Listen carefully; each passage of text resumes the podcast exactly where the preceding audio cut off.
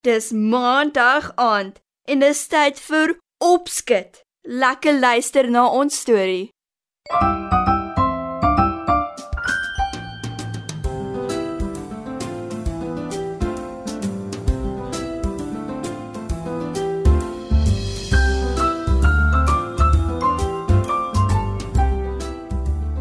Goeienaand maats. Het dit julle al oorgekom dat julle so lus was vir iets om te eet dat julle julle lag nie kan hou nie? Dalk is dit iets soet, soos toffies of sjokolade. Of dalk is dit 'n soutigheid, soos aardappelskyfies of biltong. Dis beslis my gunsteling. En dan sal mens amper enigiets doen om die eetding in die hande te kry, nie waar nie? Dit is wat met Adri gebeur in vanaand se storie. Adri se mamma is besig om koekies te bak in die kombuis toe Adri ingeloop kom. Sal mamma vir my appeltaart bak asseblief? Vra sy. Jy sal ongelukkig tevrede moet wees met soetkoekies vandag. Glimlag mamma. Adri lek haar lippe af en probeer weer. Maar die oond is klaar aan en niks kom naby mamma se appeltaart nie. Brosdeeg, vars appels, bruin suiker, suurlemoensap en mamma se geheime bestanddeel, neutmuskaat. Ek sal help. Beloof. sê sy. Mamma skud haar kop en antwoord. Ek het alles wat ek nodig het vir appeltaart Adri, behalwe vars appels. Adri en haar mamma bly op 'n klein dorpie. Almal op die dorpie ken mekaar en almal kom goed oor die weg. Daar is ook heelwat klein plase in die omgewing en op die plase groei mense groente en vrugte. Omdat hulle nie naby 'n groot stad bly nie, is daar nie veel winkels nie. Die dorpie se inwoners het geleer as hulle iets nodig kry om dit onder mekaar uit te ruil. Mamma kyk na Adri. Sy wil graag vir haar dogter 'n appeltaart bak, maar sonder appels kan dit nie gebeur nie. Maar miskien kan hulle tog 'n plan maak, dink sy en sê: Ons het nie appels nie, maar ons het wel 'n hele boom vol pruime. Dalk kan ek iets daarmee maak. Maar Adri wil niks weet nie, Ek wil nie 'n pruimtaart hê nie, mamma. Pruime is suur. sê sy. Mamma is sommer vies en antwoord: Nonsens Adri, ek sit tog suiker by. Jammer, mamma. Ek is nie ondankbaar nie. Ek is net nie lus vir pruime nie. Maar ek sal van ons pruime pluk en kyk of ek dit kan ruil vir appels. sê Adri. Sy voeg die daad by die woord en pluk 'n mandjie vol pruime. Toe stap sy na die bure toe. Daar is heelwat hoenders in die bure se hok en die buurvrou is besig om hulle te voer. Adri stap na haar toe en groet vriendelik. Goeiemôre mevrou Potgieter. Mevrou Potgieter, die buurvrou, is altyd bly om Adri te sien, want sy's 'n vriendelike en hulpvaardige dogter. Môre Adri, Groet sy terug. Toe vra sy: wat het jy daar in jou mandjie? 'n Pruime mevrou. Ek het gewonder of ek dit kan ruil vir appels. Jy kom asof jy gestuur is. My man het juis vanoggend gesê hy is lus vir pruim jelly. Ek het ongelukkig nie appels nie, maar ek kan jou 'n sak vol vere gee. Dalk wil iemand wat appels het 'n kussing maak. Dan ruil hulle dit by jou. Antwoord mevrou Potgieter. Dit klink na 'n plan. Dankie mevrou. sê Adri en die ruiltransaksie word gedoen. Toe stap sy verder. Na 'n hele ruk kom sy by 'n huis met 'n groot tuin.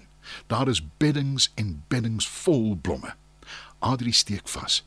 Sy hoor 'n man en vrou stry en sy wonder wat aangaan. Adri loop versigtig nader en sy kom agter die argument gaan oor waarmee hulle 'n kussing kan stop. Die vrou wil katoen gebruik en die man strooi. Wat van vere? Stel Adri voor.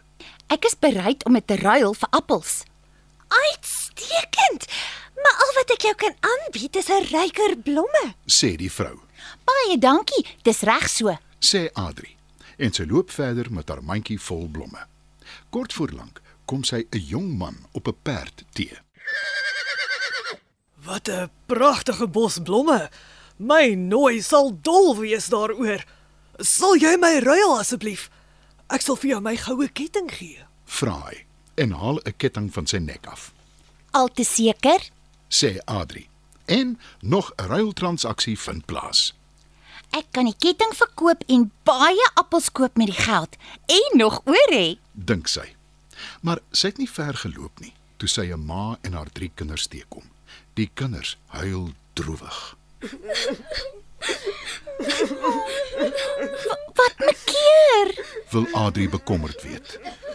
My kinders is honger en ek het niks kos om vir hulle te gee nie.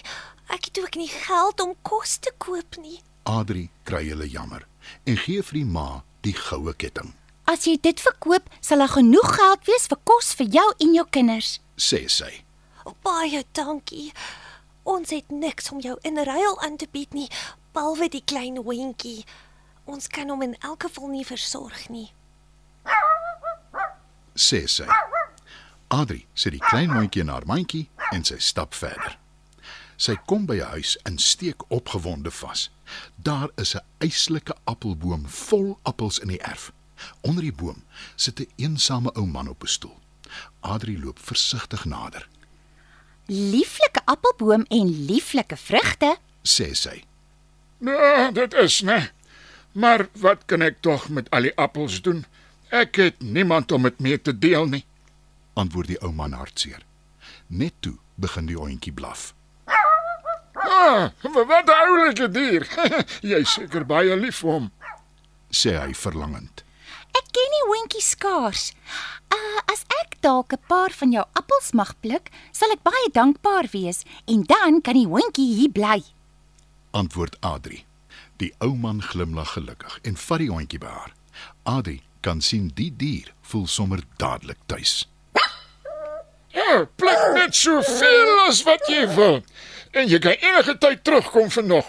Jy het my vandag 'n groot guns bewys. Antwoord die man.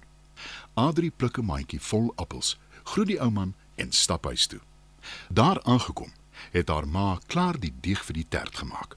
Adri help haar om die appels te skil en sommer gou is die tert in die oond. Nie te lank daarna nie, smil Adri heerlik. Daarna word sy en die ou man sommer groot vriende en sy gaan kuier gereeld by hom en pluk appels. Dit was nog 'n opskets storie. Ek hoop julle het lekker geluister, maats. Tot volgende keer.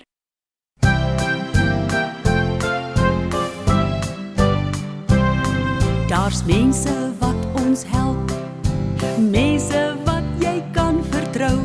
Mense wat verstaan. Vra maar net hulle help vir jou. En as jy ooit verdwaal of soek net 'n bietjie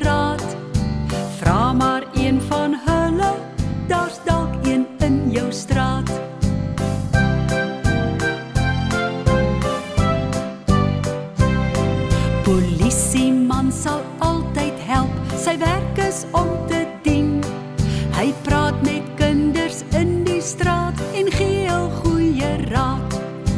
Brandweerman is net so gaaf, hulle help ook waar hulle kan. Hulle maak nie net die vure dood, maar doen als wat ons vra.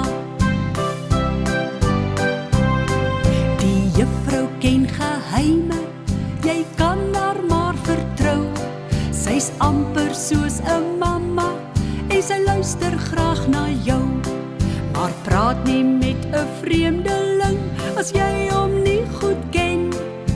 Hardloop weg na mense toe, na iemand wat jy ken.